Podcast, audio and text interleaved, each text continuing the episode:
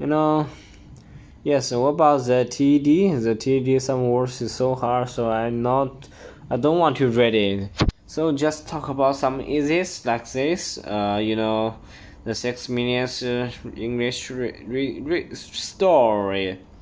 So the, about the the so about the. Hello, this is six minute English uh, from. how to why we forget we learned before. Hello, Well, this is Six Minute English from BBC Learning English. I'm Georgina. And I'm Rob. Do you have a good memory, Rob?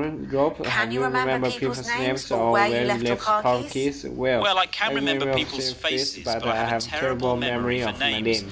And And sometimes I will sometimes be I'll be thirsty eagerly reading a book, but but then then a week later- I can't remember a single that things about it. Well, you are not alone.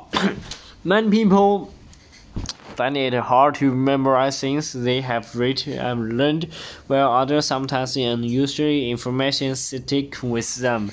In this program, I will find out uh, why we forgot all the, things we have learned, whatever someone name a word in English or where you put your wallet.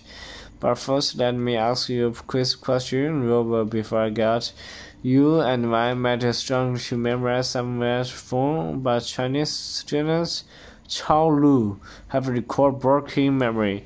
In, in 2005, she received the members of the Pi, the master's quoting describes the percentage of a circle. But how many uh, desert did he manage to remember? A was eight. 48,000, 60,000, eh, 60, 68,000, and uh, 88,000. Wow, this sounds like the child has been incredible memory.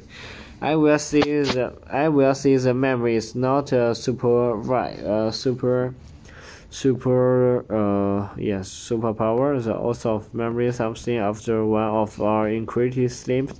Unless you can imprint, then it is something you already know, already understand. So my middle school is currently if I ever someone named Cooling, I will.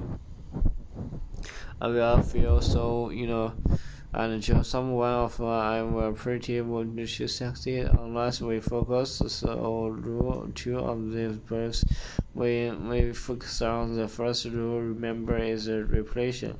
As the old meaning the property of the remember something or law if you learn it of something However, something is a rule is uh, focus remembers what are focus on. In levels, so we need to focus on when you started.